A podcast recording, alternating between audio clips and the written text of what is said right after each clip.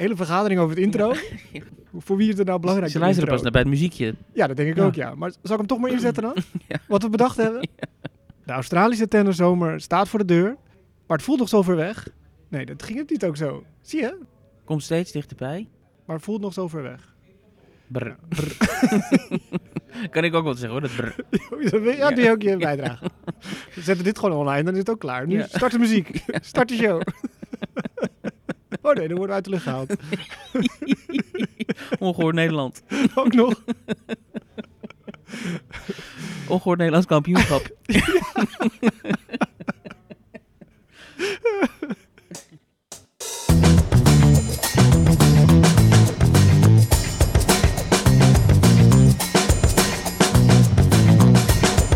Please take your seats quickly, ladies and gentlemen. Thank you.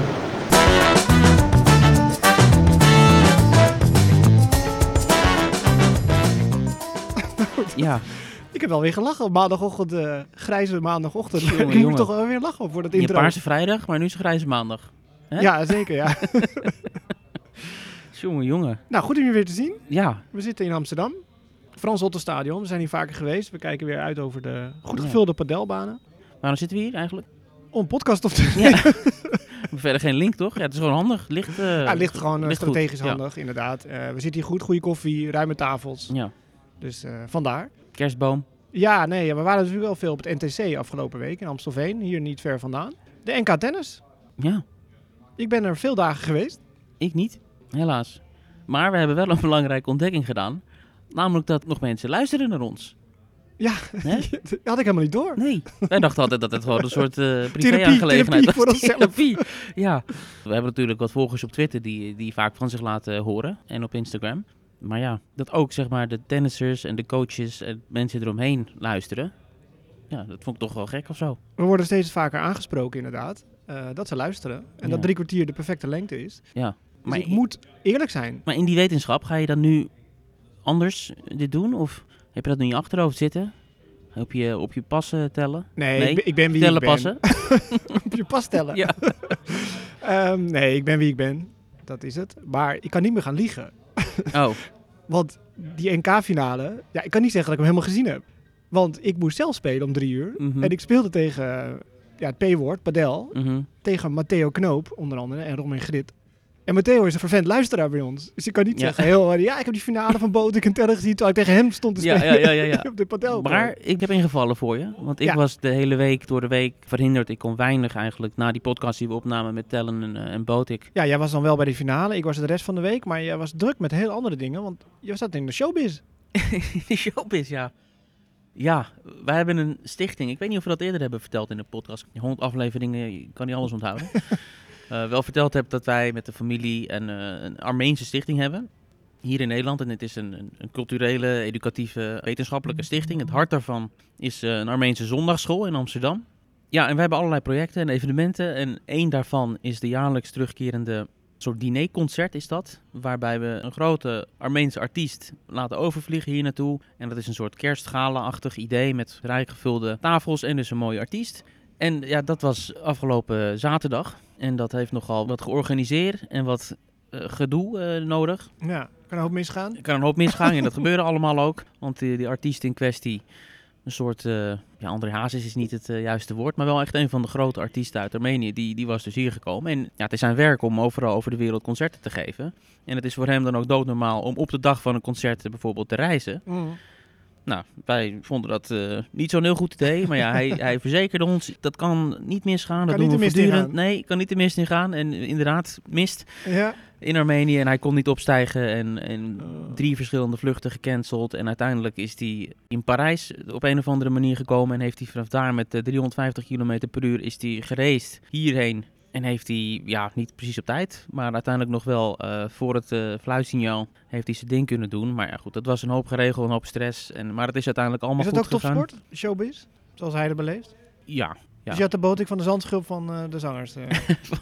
Zangers, in je ja. stalletje. Ja, nee, dat, is- dat, is wel, dat is wel bijzonder. Ik, ik heb het nu een paar keer gedaan en dan zie je ook hoe, hoe dat soort eh, mensen hun werk doen. Een van de dingen die ik dan doe bij dat soort eh, weken is dat ik ervoor zorg dat die, die zanger alles heeft wat hij nodig heeft. Dat hij kan doen wat hij moet doen. En dan, ja, dan zit ik ook gewoon in die kleedkamer een beetje in het hoekje af te wachten op het moment dat hij misschien iets nodig heeft om het Mm. dan vloeiend te laten verlopen. En dan zie je hem echt voorbereiden en dan wordt nog even die setlist wordt doorgenomen. Wat ga ik zingen? En eh, die kleding natuurlijk en het haar en zo moet allemaal in orde gemaakt worden. Nou, dat was allemaal super snel en super last minute dit keer. Maar ja, ik had wel echt eh, het gevoel van ik zit naar een professional te kijken. Die ook een commitment is aangegaan om hier zijn concert te geven. En ja, het is misschien niet allemaal vloeiend gegaan, maar het moet gebeuren. En we gaan het zo goed mogelijk doen onder omstandigheden. En ja, petje af. Weet je, dan zie je dan toch dat zo iemand eh, een, prof is. Ja, Ja. ja. Ja, mooi inkijkje in, eh, in die ja, wereld dan. ja, absoluut. Maar het NK, de finale, heb ik even een, gaatje gevonden en heb ik toen eh, de eerste set tenminste gezien van Botek en Tellen. En het was gewoon prachtig hoe het eh, erbij lag. Baantje heel mooi aangekleed, volle tribunes. Eh, Ziggo zat in de hoek ook met, met Christy en met John van Lottem. Dus er werd heel veel aandacht aan besteed en dat is mooi om te zien voor zo'n NK. Zeker, ja, ik was er wel, dan wel de hele week. Dus behalve op de finale dag. Ik heb in de auto zitten kijken voor YouTube, want het was gewoon een livestream. Mhm. Dus ik heb de eerste set ook kunnen zien. En jij hebt alles doorgeappt naar mij, alle belangrijke momenten. Dus wat dat betreft, ja, ik kan ook nog terugkijken natuurlijk. Eh Botik gewonnen. Mhm. Wederom. Wederom prolongeert zijn titel. Ja, niet heel verrassend natuurlijk, de finale. Maar onderweg nog best wel lastig gehad. Tegen Jesper de Jong onder andere eh, stond hij achter. Dus moet echt wel even knokken. Alec Dekkers in de halve finale, de eerste set, 7-5. Ehm altijd leuk om te zien natuurlijk, een beetje jong talent. eh, ja, ervaren profs, mogen we dat zeggen. Ja, zo ervaren zijn ze ook weer niet, Tellen en Botik, maar wel profs. Eh, die mix is vooral bij de vrouwen, maar bij de mannen Ja. ook wel leuk om te zien. Maar met Alec is het wel interessant, want die heeft dus al die Davis Cup weken meegedraaid. En die trekt best wel veel op met Botik en met Tellen. Dus ik kan me voorstellen dat hij beter presteert tegen Botik en Tellen. Omdat hij ze gewoon goed kent, omdat hij weet wat hun eigenschappen zijn. Dan dat zijn ranking eigenlijk toe zou laten, normaal gesproken. Ik denk dat er een andere nummer 500 zoveel van de wereld het moeilijker zou hebben tegen ze. Ja, dat denk ik wel. Maar hij is dan ook weer niet zo onder de indruk of zo. Weet je, starstruck, hoe Ja, moet je het zeggen? Want hij kent ze goed, heeft op de trainingsbaan gestaan. Mhm. Hij was spellingpartner van Davis Cup 10, bij, in- zowel in Glasgow als in Ja. Malaga. Ja. Eh, dus inderdaad, en heeft gewoon wel wapens, hè? Mhm. Eh, Ja, ik weet niet hoe hij aan die service komt. Hoe denk jij dat? Ja. Natuurlijk de zoon van Richard Krajcek, Ja. eh, met de andere achternaam van de achternaam van zijn moeder. Goede service, goede voorhand. Ja, het, het lichaam, ja, dat heeft hij ook misschien wel van zijn vader. Een beetje pech, veel blessureleed. Hij heeft mij een keer verteld van, eh, hij is eigenlijk te snel gegroeid, waardoor zijn botten en zijn spieren, zeg maar, dat is allemaal te snel gegaan, waardoor Mm. dat gevoelig is gebleken. Hij is een keer ook ongelukkig door zijn enkel gegaan Ja. op toernooi en zo, dus het heeft een beetje pech en een beetje ja, met groeien te maken. Maar als hij fit blijft, Ja. wat ik ook leuk vond, ik heb Timo de Bakker weer eh, zien spelen. Leuke wedstrijd tegen Robin Hazen. Mhm. Vintage. Ja, dat zei ik ook van tevoren, inderdaad. Eh, Timo oogde fitter dan die was. En ja, kan natuurlijk wel een bal slaan. Die service nog wel. Mhm. Bewogen, best oké. Ja, het heel lang natuurlijk niet gespeeld. Eh, was wel leeg in die derde set. Maar hij maakte het Robin behoorlijk lastig. En eh, Ja. een paar goede returns. En eh, ja, die voorhand is nog wel lekker. Zag er wel goed uit. Ja, als je zo echt... dat is het mooie van zo'n NK. Je kan er echt dicht op zitten. En ik zat dan op het balkon. Als een soort van die Muppets, weet je. kon op Mhm, het balkonnetje ja. zitten, oordelen wat daar beneden gebeurt. Hij anticipeert heel goed. Ja, Hij zit vaak gewoon is echt een goede hoek. Hij ziet het spel gewoon Hij ontzettend leest goed. het Ja. heel erg goed. Ja. En hij maakt ook wel de goede keuzes. Ja, het pakt niet altijd even goed uit, maar dat wil niet zeggen dat het een slechte keuze Mm. was. Onder de indruk. Ja. Niet afschrijven. Nee. Zeker in die dubbel met Mat 2. Gaat ze het gewoon goed doen, dat weet ik zeker. Mhm. Maar in de single, ja, niet gek. Echt niet gek. Ja. En we zijn echt niet nu opeens om, hè, omdat we zitten lezen Nee. gamen met, eh, met Robin, dat ik nu eh, Nee. een VR-bril en een, eh, Ja. en een gun in mijn rug heb. nee, ik ben echt eerlijk. Goed, daarom ben je er ook om het allemaal van dichtbij te bekijken. Dus je kan het zeggen, je kan die conclusies trekken. Ja, Botik en Tellen, dat was de finale. De droomfinale. Nummers 1 en 2. Ja. Ja. Tellen die heeft nog tegen Robin ook gespeeld, hè? Vergaten we nog even te melden. ja, dat was de halve finale. Ja. Toen vond ik het tellen heel onrustig. Hm. Hij heeft bij ons bekendgemaakt dat hij er helemaal sluiter de deur heeft gewezen. Eh, er is nog niet helemaal een invulling hoe dat op te lossen verder. Dus Dennis Schenk is er. Ik zag Scott Griekspoor, zijn broer, zitten. En Bas van Bentum was er natuurlijk bij, de, de fysieke trainer. Maar ik vond Tellen behoorlijk onrustig tegen Robin op de baan. Een beetje negatief, Hm. een beetje zoekende. En, eh, ja, kon het niet afmaken in twee sets. Er moet een derde set van komen. Nou, dat trekt hem er nog gelukkig voor hem wel uit. Eh, een beetje onrustig, een beetje Ja. zoekende. Ja, dat kan natuurlijk, want in zo'n pre-season, ik neem aan dat ze dag in dag uit werken aan, aan aanpassingen, aan hoe je anders moet spelen, hoe je misschien een andere positie moet kiezen, of het nu bij returns is, of gewoon een instelling, of de insteek van hoe je punten wil spelen. Dus ja, als er allerlei nieuwe gedachten bij komen, dan is dit natuurlijk wel het moment om het allemaal te proberen. Maar dat daar wat onrust bij komt kijken, dat is misschien ook wel logisch. Ja, en wat ik zei, ze zitten gewoon in een trainingsperiode en vinden het dan fijn om met publiek toch wat onder druk wat Ja. potjes te spelen. Dat is beter dan een oefensetje natuurlijk. Eh, maar inderdaad, je zag een beetje kijken, ja, moet je die return nou aanpakken? Dat lukte Mhm. niet. Ging je weer drie meter achter de baseline staan op breakpoint, lukte dat ook niet, weet je. En dan naar de zijkant kijken, alsof het hun schuld is, weet je. Dus dat, dat is nog een beetje zoekend. En als daar een, een autoriteit zit, een coach, waar je helemaal in vertrouwt en gelooft in het proces, dan accepteer je dat wat makkelijker. Mhm. Maar goed, het is een proces. Ja, goed, laten we hopen dat iedereen er gewoon goed uitkomt. eh, zowel Tellen als Botik, die zijn titel prolongeerde. Daar nog iets eh, gezien gedurende de week? Iets wat hij anders deed ten opzichte van het voorgaande jaar? Hij heeft natuurlijk aan die servers gewerkt. Zagen we daar meteen iets, iets aan verandering? Nou, niet echt, vond ik zelf. Maar Nee. wat je kan stellen is dat het jaar van tellen dat hij heel veel wedstrijden heeft verloren in winnende positie. Dat was eigenlijk in die finale ook zo. Hè? Mhm. kwam 5 tegen voor in die eh, eerste set, set points. Ja. Verliest hem dan in de tiebreak. Close wedstrijd die dan weer niet zijn kant op Mhm. valt. Weet je, dat is ook nog wel een mentaal dingetje op een gegeven moment lijkt me. Maar goed, ja, er staat iemand tegenover je die hoog geplaatst is. Dus op zich Ja. heeft het goed gedaan tegen Boten. Mhm. Die elkaar natuurlijk helemaal door en door kennen. Ja, hè? ja. Dat zijn trainingsmaatjes. Bij de dames natuurlijk ook gespeeld. ja, Ook daar, titelprolongatie. Suzanne Lament Ja. eh, won vorig jaar dan eh, haar eerste grote titel zeg maar, bij de senioren. Mhm. Moet je dat zeggen, senioren? Volwassenen? Hoe moet je dat zeggen? Ben je ook senior? Nee, ik ben senior. Nee, jij bent veteraan. Veteraan. Nee, dat hebben ze veranderd naar senioren. Omdat het zo- zo'n lading heeft, Ja, zo'n ja. veteraan. Hou op, jong van geest. Jong van geest, Als ja. er een balletje in de buurt is, dan kan ik hem niet laten liggen. Dan moet je er even mee pielen. Dat is gewoon eh, het kind in mij. Suzanne Mens, daar hadden we het over. Trek het weer helemaal onszelf toe. het gaat voor onszelf, hè? En nu we weten dat iedereen Klein luistert. haakje en we hebben het weer over onszelf. Ja. Zo zijn we helemaal niet. Nee. We hadden het slechtste in me daarboven. Bibiane Schoofs. leuk om haar weer te zien. En waarom leuk om haar te zien? Want die heeft gewoon een andere speelstijl. Mhm. Suzanne Lamens kennen we ook van Billie Jean King Cup. Goed gespeeld. Agressief vanaf de baseline. Goede beentjes eronder. Hè. Kan goed lopen. Pittig. Vuistjes. Goede Mhm. mentaliteit. En Bibiana is slijsje hier. Dropshotje. Server volley. Naar voren. Ontregelen. Dat heb ik gemist. Uiteindelijk wint het niet. Omdat ze ja, wedstrijdritme tekort komt. Mhm. Eh, over blessureleed gesproken. Ja. Ja. ze heeft echt veel Vrouw pech van gehad. Heel veel pauzes moeten nemen om, om te herstellen. Vooral van die enkel, heb ik begrepen. Nu ook weer, ja, wandelen een beetje naar de finale. Eh, jeugdspelers tegenover zich gehad. Maar goed, je moet het toch maar eventjes doen. Dat zijn vaak hardhitters, die jeugd. Als Mhm. zij dat kan ontregelen. Eh, ik zat die halve finale even te kijken. Speelde tegen Joy de Zeeuw. Was niet heel erg happy na afloop. eh, Een beetje boos op zichzelf of zo. Weet je. Het was de finale had bereikt. Ja. Dus ze legt de lat wel weer hoog. Dus dat is absoluut goed. Was Nederlands kampioen in 2016. Ja, verloor finale van eh, Suzanne Lament in, eh, in straight sets. Maar het was een leuke, vermakelijke finale moet ik zeggen. Die heb ik helemaal gekeken. En altijd leuk twee verschillende speelstijlen te zien sowieso. En Suzanne moest er echt voor knokken. Ja, dat is zo'n verschil hè, tussen de dames en de heren qua deelnemers. De heren was het schema echt rijk gevuld. Grote namen. Bij de dames was het heel anders. Ja, Waar kwam het door, denk je? Ja, je ziet het vaker hè. Ik snap het ook niet. Leslie was er niet. Ja. Aranska was er niet. Ariana was er niet. Martono. Ik vind het best bijzonder dat bij de mannen en Botik en Tellen, en die lijken er echt gewoon een onderdeel van het preseason van gemaakt te hebben. En dat is dan bij de dames kennelijk een hele andere afweging geweest, om dat dan niet te doen.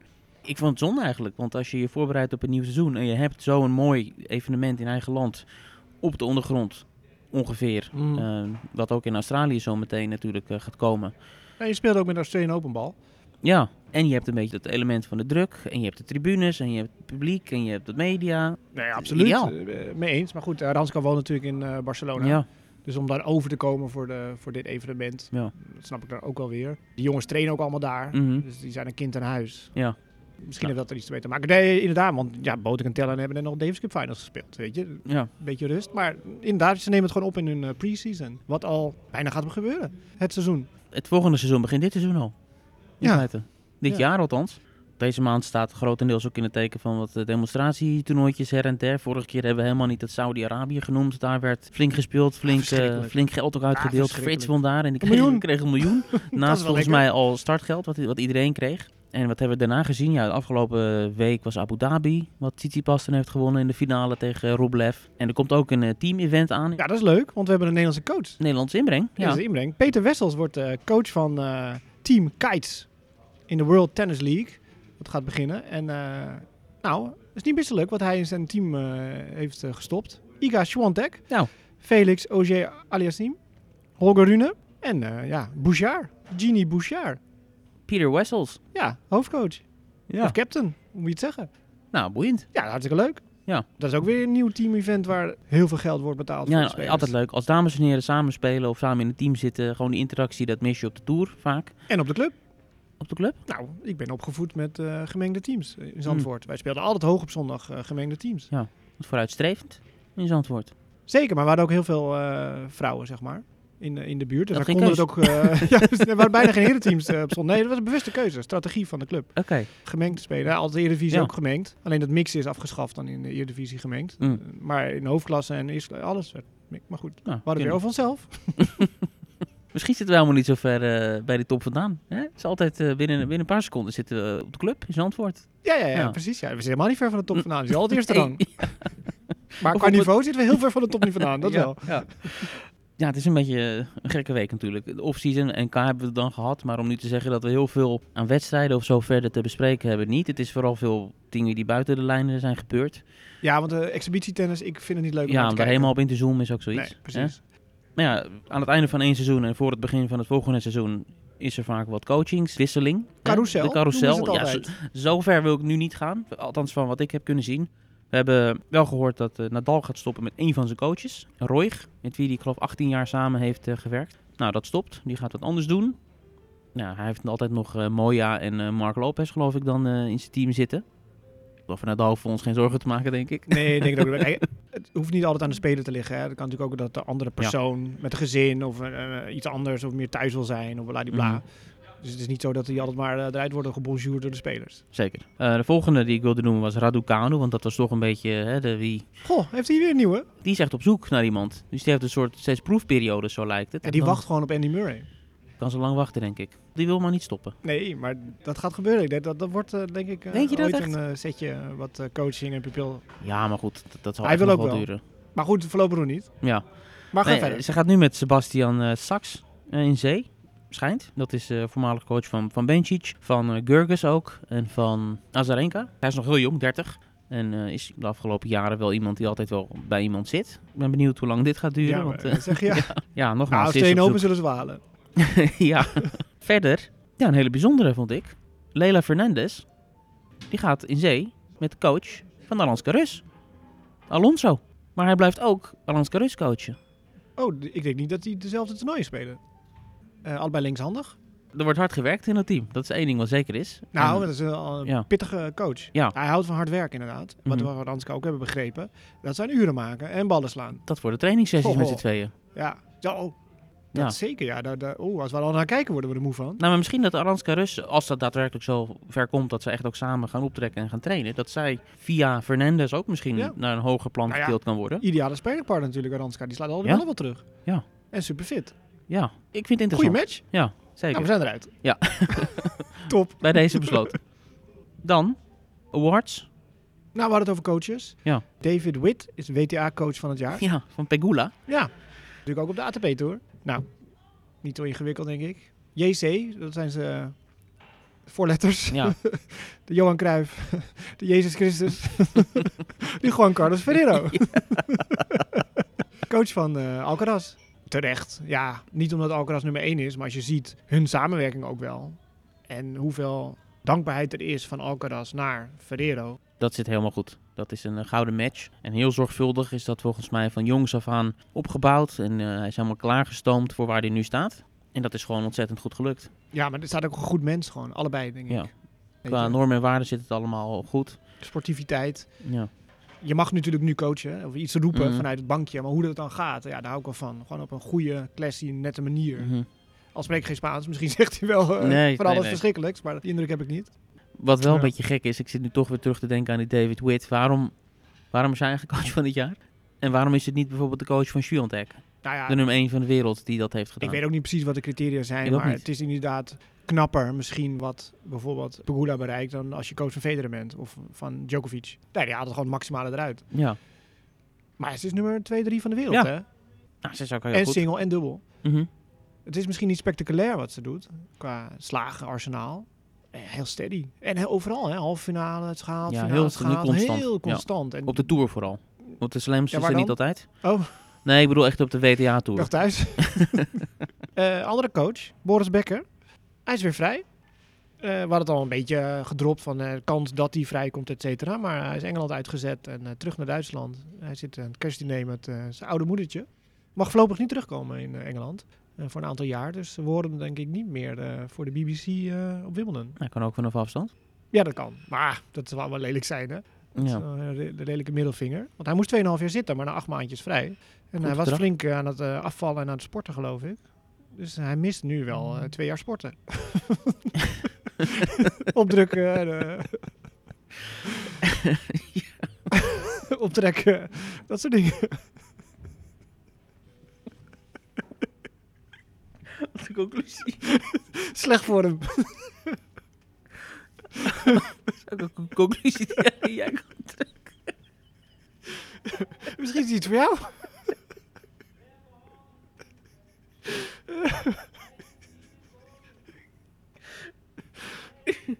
Ja. ja. Ik ga er eens over nadenken. Goed. Oké. Het gaat er helemaal nergens over. Oké. Terug eh, naar de woord. terug naar de awards. Ja, een hele bijzondere. Casper Ruud. De grijze muizenwoord.